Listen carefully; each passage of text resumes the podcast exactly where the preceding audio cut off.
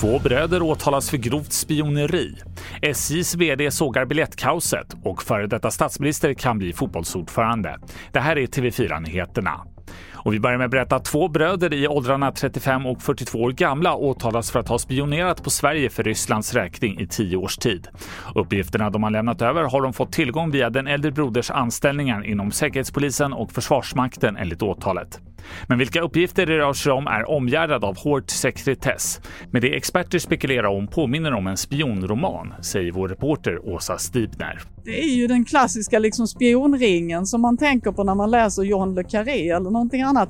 Vår underrättelsetjänst har ju naturligtvis kontakter som kan vara av största intresse att komma i kontakt med för då till exempel Ryssland, konkurrerande spionorganisationer. Och där kan man göra stor skada på Sveriges rykte och Sveriges samarbete internationellt. Och de här personerna, om man ska tro åklagarna, verkar ju ha arbetat eh, länge, funnits länge inom svensk eh, underrättelsetjänst och därmed kunnat göra stor skada.